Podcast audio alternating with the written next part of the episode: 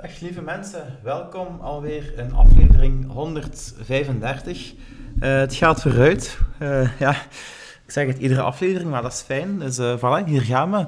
En we gaan het hebben niet over de kracht van kracht, maar over hoe we kracht kunnen creëren. En dan heb ik het niet over fitnesskracht, dat ook handig is en functioneel, maar over meer innerlijke, ook spirituelere kracht. ben het boek van Joe Dispenza, aanrader trouwens, hoe heet het weer? Uh, Becoming Supernatural aan het lezen. Heel mooi, boeiend. Eigenlijk een spiritueel boek, of ja, hoe je het ook noemt, iets met energie of onzichtbare dingen. Of uh, ja, geen, uh, het mystieke, hetgeen je niet direct waarnemen, dat beschrijft hij heel mooi. Dat is ook wetenschappelijk bewezen. En ja, dat is, dat is, dat is, een mooie toegankelijke uitleg aan gegeven die klopt. En, want in die wereld zit dat soms naar mijn mening toch wat charlatans, of lees je soms dingen, of dingen zitten niet uh, als een geheel verpakt eigenlijk. Hè.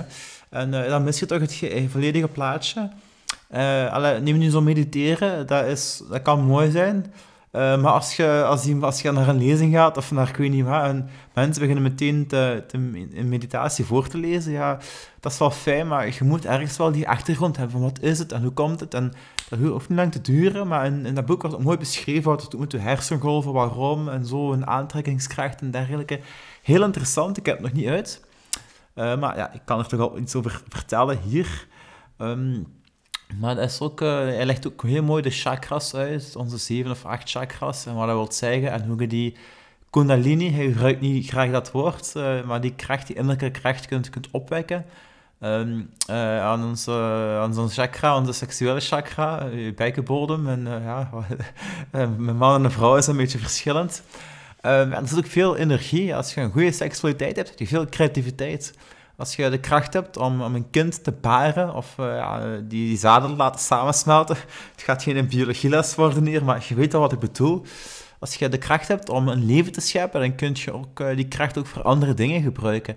En dus de kunst is om die kracht die je onderaan zit, eigenlijk in je buik naar boven te laten komen en ja, je licht mooi te laten schijnen. En daarboven zitten nog enkele blokkades. De eerste drie zijn de moeilijke chakras. Uh, maar als je daarboven zit, then you get it. En als je hart open zet, dat is heel mooi allemaal. Uh, ja, wat kan ik erover zeggen? Uh, lees een boek eens. Voilà, ik ga hem nu, nu, niet voorlezen. Maar het is mooi en ik, ik, momenteel zit mijn mindset en de rest ook al in de flow van dat boek eigenlijk. Um, ik was vandaag op het werk, dat sloot er heel goed bij aan, eigenlijk ook wel een beetje grappig. een speech aan het voorbereiden voor volgende week. En um, voor de burgemeester. En uh, de aanzet was al niet slecht. Uh, ik zal het eens vertellen. Dus uh, er was eigenlijk vroeger een koning eigenlijk. En die had een heel schoon land. En dat was ook wel een sportieve man. Die wandelde graag. En toen hij na een lange tocht thuis kwam, zei hij van... Oh, my, die, die grond die is zo ruw, onneffen, die steentjes. Ik heb zeer aan mijn voeten. Als we nu eens uh, heel dat parcours of heel het land nu aanleggen met mooi zacht, effen leer, zouden we geen pijn meer hebben aan, aan, onze voeten eigenlijk. Dat is echt een, slim idee eigenlijk, hè? dat we gewoon ons goed kunnen voelen en dat we eh, geen last hebben van onze voeten, dat we aangenaam ons kunnen verplaatsen, ook sportief. Toen was er ook uh, ja, een, slaaf, niet maar een dienaar, zoals dat mooi gezegd is. Uh, die zei, dat was ook, wel een verstandige dienaar, die zei, maar koning, is dat niet een beetje zonde dat we zoveel geld moeten uitgeven en dat we dat ook niet efficiënter kunnen doen? Uh, stel nu, in plaats van alles vol leer te zetten in heel het land, kunnen we niet gewoon uw voeten voorzien van leren zolen en leren schoenen. En die koning, die erkent de kracht van zijn personeel.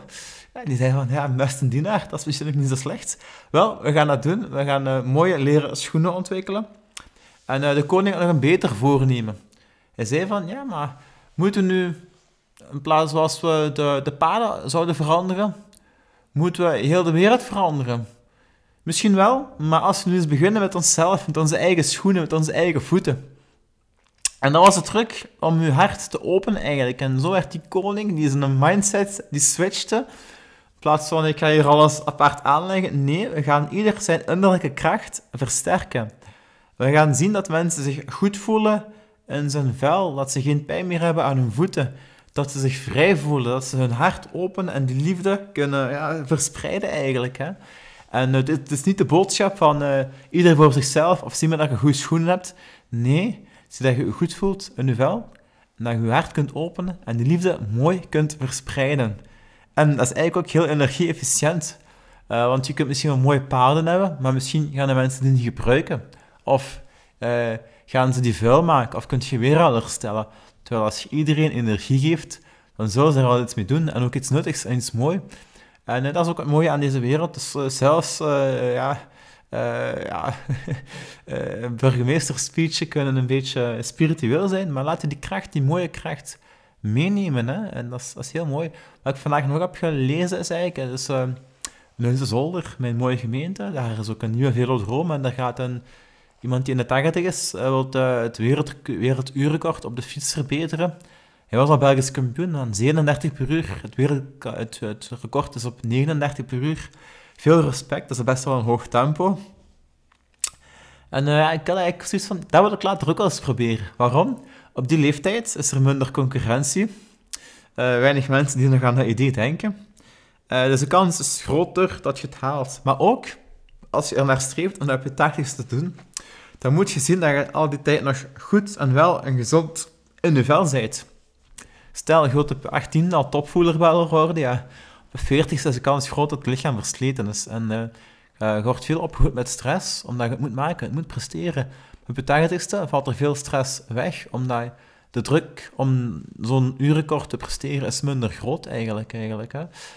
Uh, ja, dus, uh, dat is mooi. Ik denk ook als een lange termijn. Onderhoud je leven. die, die man zei ook van veel mensen leven er niet meer of zitten in een rolstoel. en ik, dat lijkt me ook wel mooi. Ik dacht toen ook aan mijn eigen uitspraak van doelen zorgen voor focus en rust. Veel mensen weten niet wat ze op een oude dag nog moeten doen. Sommigen wel, maar ik zal het zo zeggen, de jeugd weet niet altijd wat ze zinnig moeten doen met een vrije tijd.